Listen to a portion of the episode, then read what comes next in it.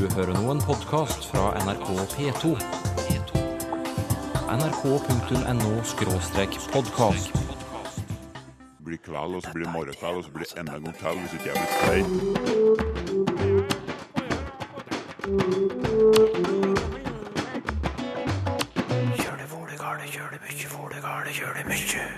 Preposisjonen på stjeler jobben fra andre preposisjoner. Du kan si at på starta som en tjuv, og han holder fram som en tjuv. Den type ting er et uttrykk vi gjerne bruker. Ja, jeg har pakka tannbørste, tannkrem, sminke og den type ting. Og heter det på halv tolv eller på halvt hold?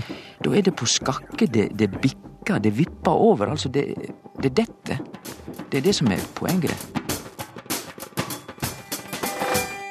Preposisjonen på vinner nytt terreng. Nei, det der har jeg kontroll på. Ah, han er kjempegod på språk. Noen kaller det på-psyken, men hva om det gjør språket bedre? Vi tar en debatt på det. Og debatten kan vi f.eks. finne på Facebook, der det snakkes om påisme og påsyke, og der på kalles universalpreposisjon. Leiv Inge Ove Høgskolen i Sogn og Fjordane, du har brukt mye tid på å studere preposisjonen på. Hva syns du om at på stjeler jobben fra en del andre preposisjoner? Nei, det synes iallfall at uh, på er en preposisjon som vi har god bruk for. Og at uh, i noen tilfeller så kan kanskje denne landvinninga gjøre språket bedre òg. Det mener du, eh, det skal vi komme tilbake til. Men la oss se på tradisjonell bruk av preposisjonen på først. Hvordan er den? Nei, Den er i høyeste grad uh, vid og mangslungen. Uh, på bli brukt til veldig mye ulikt. Og det mest uh, åpenbare det er kanskje som med andre preposisjoner, at den uttrykker stadrelasjoner. Og Da er det ofte at noe er i, eh, oppå eller i kontakt med noe annet. Og Det typiske eksempelet da er at noe står på gulvet, på bordet, på stolen, på land, på sjøen. Det er en veldig vanlig. Og Så uttrykker det òg eh, tidsrelasjoner mellom to ting. At noe skjer på søndag, at det skjedde på 30-tallet. Dette er bare noen få eksempler på bruksområder. Det fins mange, mange flere. Men er det noen fellesnevner her? Ja, det, det er jo et uh, interessant spørsmål. da, for det er når Preposisjonen tilsynelatende spriker så mye i bruk som gjør. Om det da finnes det et sånt ja, felles multiplum, da. Jeg tror at det, at det gjør det. Og det multiplumet er da at på setter noe i kontakt med noe annet.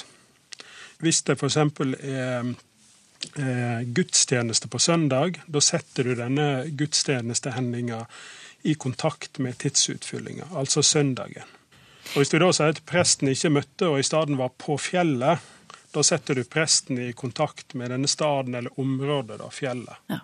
Så langt om den tradisjonelle bruken av preposisjonen på. Men så har vi altså fått det noen kaller på-syke eller på-isme. Hva er det som har skjedd? Eh, På vinner jo land, jeg kaller den for en eh, landvinnerpreposisjon. Hva mener du med det? Landvinnerpreposisjon? Nei, det er det at han over flere år nå, det er jo ikke helt nytt engang, men at han nå over flere år eh, har tatt over i uttrykk og i vendinger der vi tradisjonelt har brukt andre preposisjoner. Og det gjorde han òg i eldre tider, for da, da tok på over for en nå nesten død preposisjon i norsk, nemlig en preposisjon som heter å. Den, fin, den fins bare nå i noen, eh, noen dialekter, i noen faste og stivna uttrykk. da. Så det gjorde på for mange hundre år siden, og det har han fortsatt med å gjøre i våre dager. Nå tar han over for helt andre preposisjoner igjen. Du kan si at på starter som en tjuv, og han holder fram som en tjuv. Hvilke av dagens preposisjoner er det som har blitt rammet? Det er flere. For eksempel så tar han over for i, og for om, til og med. Altså preposisjoner som ikke ligner på på rent innholdsmessig. Og det er jo det som gjør det litt interessant. da. Ja. Har du eksempler på disse nye måtene å, å bruke på? på? Ja, det er jo særlig to hovedområder. da, og Det ene det er Jeg finner det veldig ofte et eh, sikkert adjektiv eller beskriverord som beskriver noe om Særlig om det er dugleik eller evne til noe, om en er god eller dårlig i noe. Der en da tradisjonelt har brukt i og til og om og andre. Dette blir ikke bare sagt, men det blir òg skrevet.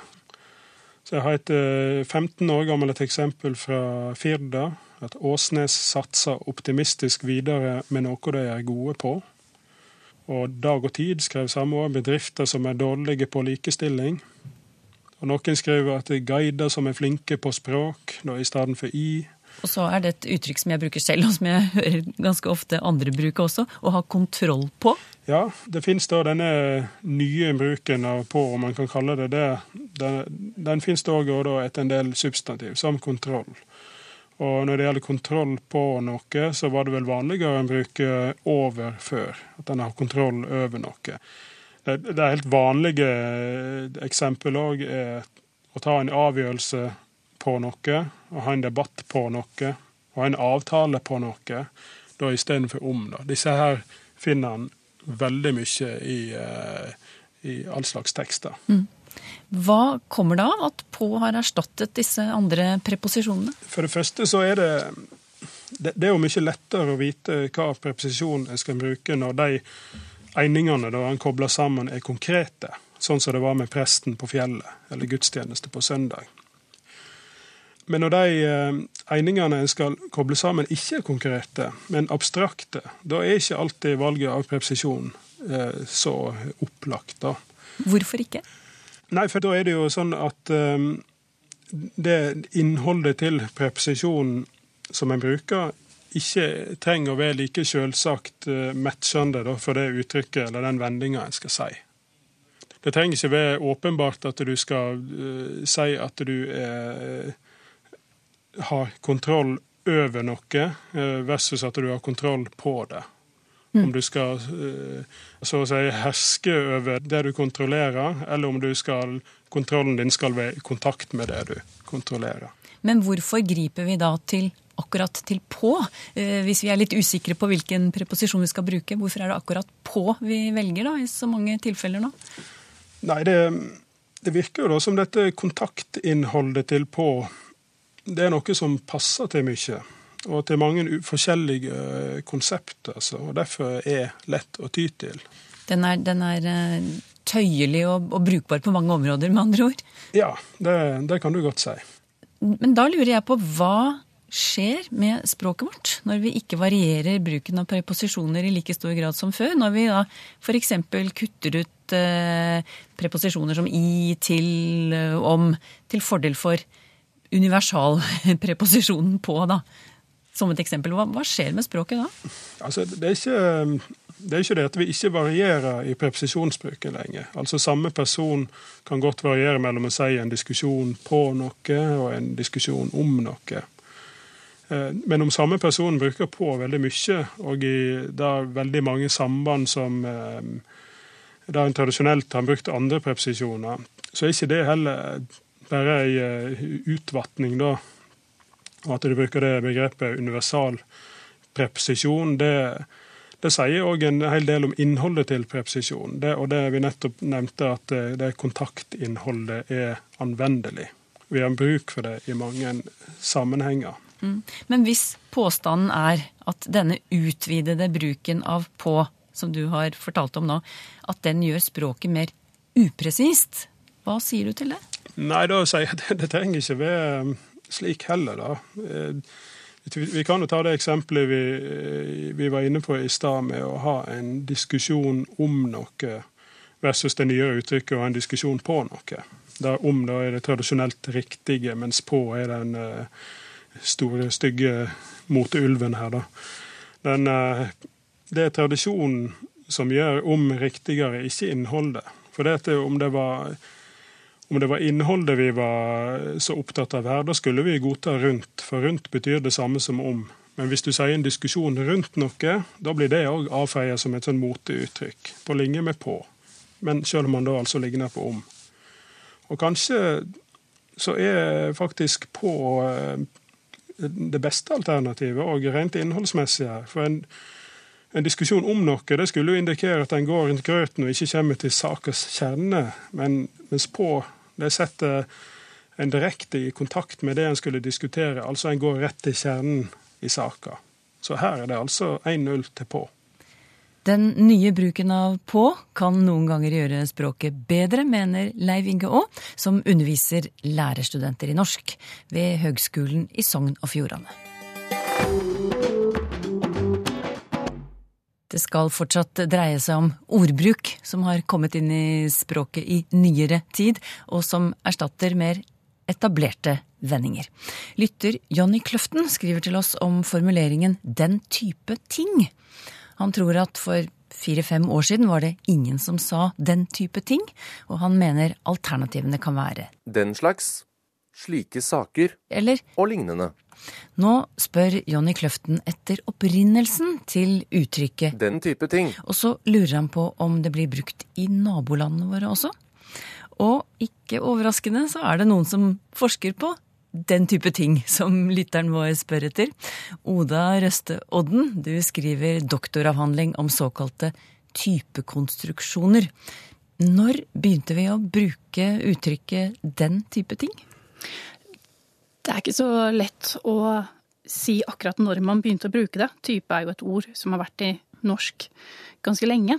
Um, jeg har prøvd å søke på forbindelsen type og ting i ulike tekster, og funnet eksempler fra 80-tallet på den type ting, Ja. og den typen ting fra 70-tallet. Men type har jo vært i norsk mye lenger, og det er jo sannsynlig at noen kan ha kombinert type og ting nå og da. Man har jo eksempel den type historikere, finner jeg i en tekst fra starten av 1900-tallet. Ah. Men hvis jeg søker i de samme tekstene, så finner jeg veldig mange eksempler på den slags ting. Så det var tydelig at de heller ville valgt den slags ting enn den type ting den gangen. Eh, Og så tror jeg nok eh, Jonny har rett i at det blir eh, mer og mer frekvent, særlig i tale. Og i tale så er det jo enda vanskeligere å si noe sikkert om hvor lenge noe har blitt brukt, for vi har ikke så mye materiale å undersøke. På, eller i 2005 så ble det samla inn en del opptak fra Oslo som skulle brukes til eh, språkforskning. Og i det materialet så brukes den type ting flere ganger. Så den har blitt brukt i litt mer enn um, En fire-fem år? fire-fem år. Ja, ja. Så helt nytt, helt nytt er det ikke. Ikke helt nytt. Nei. På 70-tallet så har man et litt tilsvarende korpus, og der finner jeg ikke uh, den type ting. Og type er generelt mindre frekvent, mens uh, den slags er mer frekvent. Men igjen, det er jo ikke representativt, det er bare uh, noen få talere som kommer til uttrykk i de korpusene. I de samlingene av, av, av opptak av folk som snakker. Mm. Men, men eh, det, det gir oss i hvert fall et lite inntrykk. Eh, som du sier, det er ikke helt nytt. Eh, du finner det for, fra 2005 for eksempel, og, ja, og det andre du sa. Men eh, den tradisjonelle betydningen av ordet type, hva, hva er den? Opprinnelig så kom det fra gresk og betydde myntslag. Og ordet har jo vandra gjennom flere språk og hatt mange ulike betydninger. Og i norsk i dag så betyr det mange ulike ting. Men eh, kjernebetydningen, eller den som gjerne listes først i eh, ordlister, det er kategori eller art eller slag. Men når vi da bruker type i, i uttrykket 'den type ting', hva betyr det da? Ofte så har jo type da en mer avbleka funksjon. Hva betyr avbleka, eller hva mener du med det? At det har eh, ikke like klart betydning av type lenger. Men eh, fortsatt så kan det kanskje fremkalle assosiasjoner til en kategori av lignende ting. Mm. Har, har, du- har du noe eksempel på det du sier nå? Noe som kan illustrere det? Ja, man kan lappe det sammen, få litt hjelp av broderen og den type ting. Det er ikke så veldig klart hvilke ting jeg viser til, men samtidig så vil den jeg snakker med, få en viss forståelse om at det er noe lignende. En annen ting som ligner. Et eksempel til? Ja, jeg har pakka tannbørste, tannkrem, sminke og den type ting. Det samme, og så videre. Flere ting av samme kategori, eller sånn nesten lignende. Ja. Men så, nå kom jeg på noe. Hvorfor heter det ikke 'den typen ting'? Altså i den type ting, så er jo artikkelen 'den' bestemt. Men substantivet 'type' er ubestemt. Det, det er litt rart. Ja, det er litt rart. Og det underbygger at vi bør se hele frasen som én en enhet. For det er ikke noe vi komponerer der og da av den og type og ting. Mm. Det er én en enhet som et ord eller et idiom som vi har lagra helhetlig og husker helhetlig. Og det skjer ofte når uh, uttrykk er frekvente. Mm. Altså som et fast uttrykk eh, på et vis? Ja, ja på som, et vis. Ja, Og når du sier frekvent, altså som brukes ofte? Ja. Mm. Uh, og når det da er lagra helhetlig, så bevarer man gjerne uregelmessigheter. Altså uregelmessighetene kan komme fra andre språk hvis det er et lån, eller det kan uh, gjenspeile et tidligere språktrinn hvor ting var annerledes. Uh, og samtidig, frekvente ord de blir ofte forenkla, sånn at det blir kortere og lettere å si. Det er veldig økonomisk. Ah, så det kan være grunnen til at vi sier type istedenfor typen? At det, at det, faller lettere i munnen, rett og slett? Mm -hmm. ja. Lytter Jonny Kløften han, han, spør om vi finner uttrykket 'den type ting' i nabolandene våre også? Nei, vi gjør ikke det. Typ og type finnes i svensk og dansk. Men type og ty ting, det er ikke frekvente forbindelser av ord. Mm. Så, så, det er noe vi er alene om, det uttrykket der da, i, i Skandinavia i hvert fall? De kan jo sette sammen typer ting, men det er ikke frekvent på den måten. Så er jo det store spørsmålet da, som Jonny Kløften stiller, hvor kommer da dette uttrykket 'den type ting' fra? Tydeligvis ikke fra, lånt inn fra dansk eller svensk. Han, Jonny foreslår England eller Amerika. Hva sier du? Det er nok ikke helt dumt. Altså, Vi kan ha begynt å bruke type og ting sammen på norsk helt av oss selv, men det er en bemerkelsesverdig parallell i engelsk med kind of thing, type of thing, sort of thing. Særlig type of thing er jo eh, veldig likt. Så vi kan ha henta litt inspirasjon derifra. Og hvorfor har det blitt et så mye brukt uh, uttrykk, og, erstattet f.eks.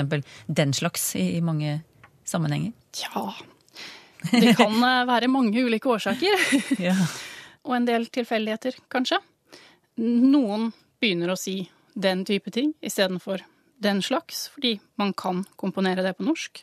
Og så kan det her ha vært folk som er ja, innflytelsesrike, som har sosial status, som man gjerne vil ligne. Så tar man etter. Det er jo generelt vanlig at man tar etter de man er sammen med. Ja, For det er ikke noen fordel eh, å, å, uttrykke seg gjennom å si den type ting sammenlignet med f.eks. den slags? Altså, ikke... I utgangspunktet ikke. Nei. Kanskje i begynnelsen så eh, fikk man jo litt mer variert språk, hvis man alltid sa den slags ting. Ja. Så kunne det være fint å variere litt. Og ellers så type ting, det høres jo litt fint ut. Det kunne jo være Altså, det er jo et bokstavrim. Eh, sånn som en del faste uttrykk som vær og vind og lenger enn langt. Og når noe har blitt ganske frekvent, så er det jo en fordel å bruke det fordi at vi har det friskt i minnet, og det er lettere å hente fram. Så da baller det på seg. Frekvens genererer frekvens. Og det blir mer og mer.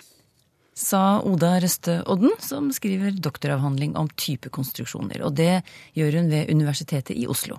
Neste gang tar hun for seg hvordan vi bruker ordet slag, som i En slags radioprogrammer.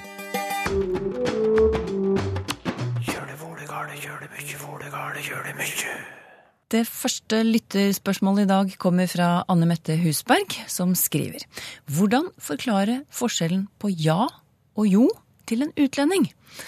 Dette kan du hjelpe henne med, Sylfes Lomheim. Ja, fordi at hvis vi sier på engelsk You don't come?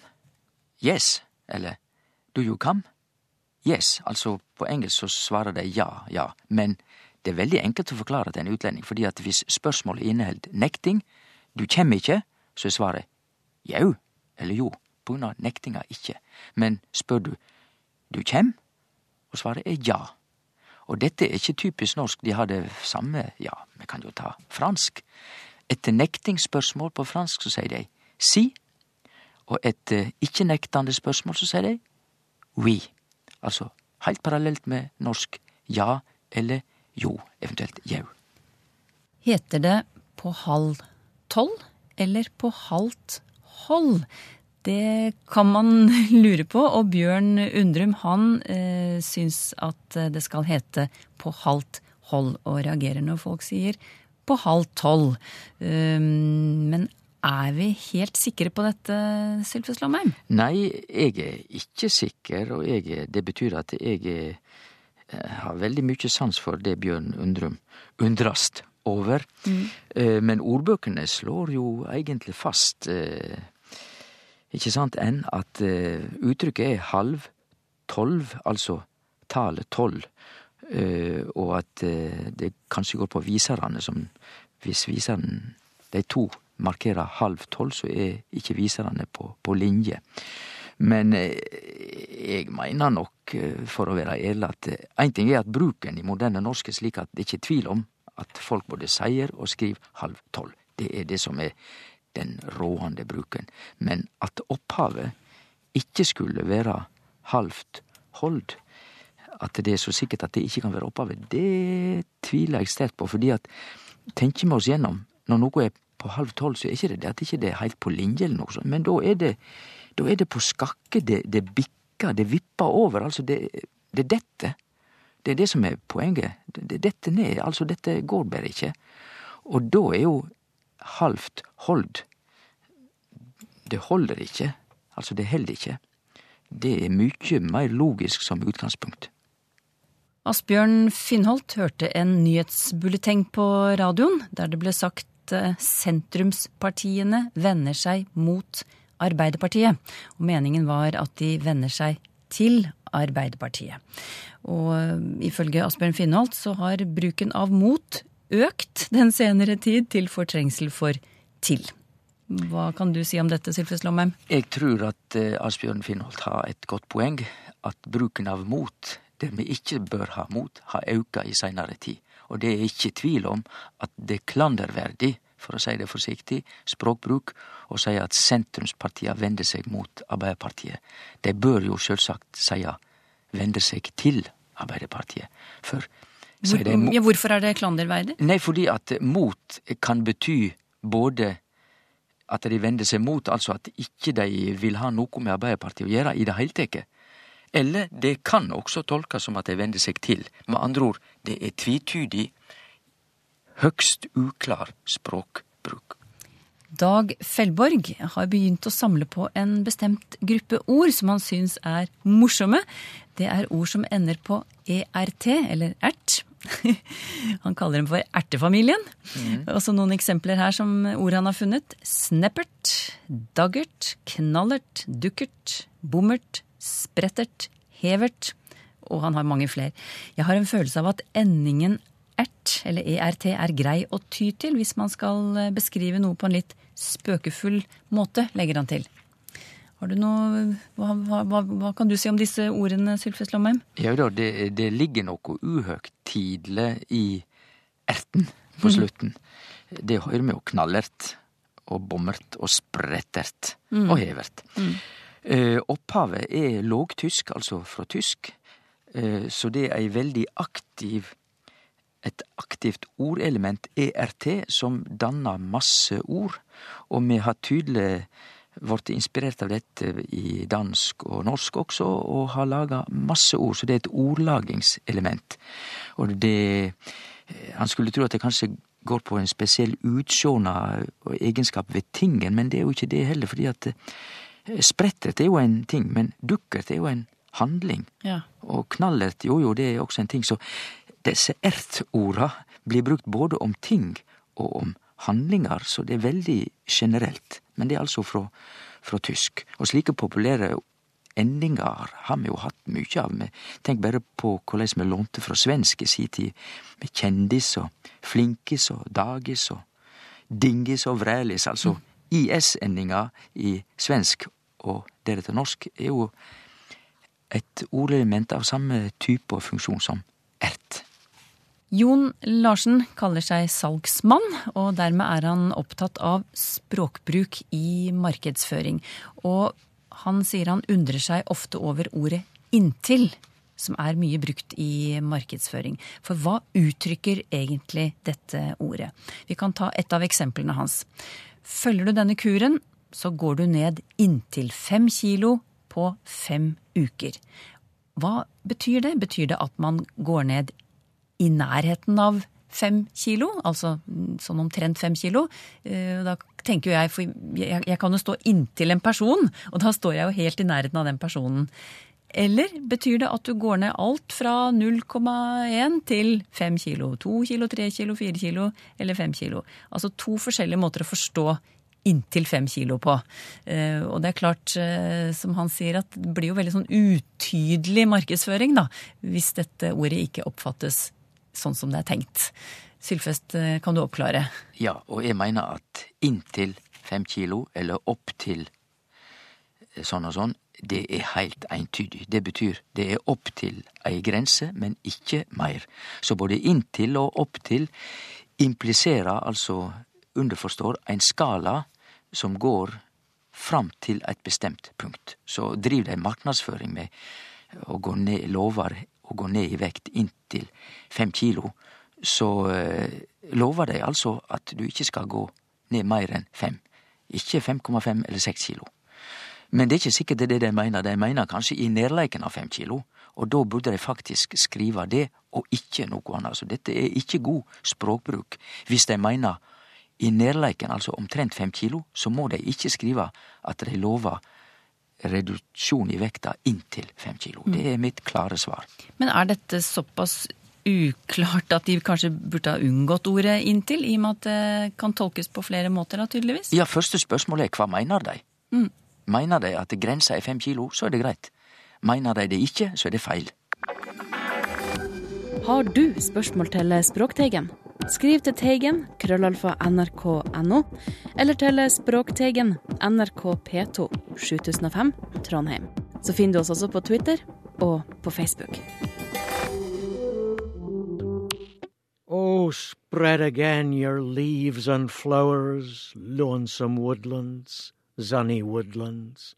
Here underneath the dewy showers, a warm-eyed springtime, sunny woodlands. Disse linjene er skrevet av Englands svar på Ivar Aasen, William Barnes. Han levde på 1800-tallet og ønsket å rense det engelske språket for lånord. I stedet ville han skape et New English, nyengelsk. Hør mer om en uke.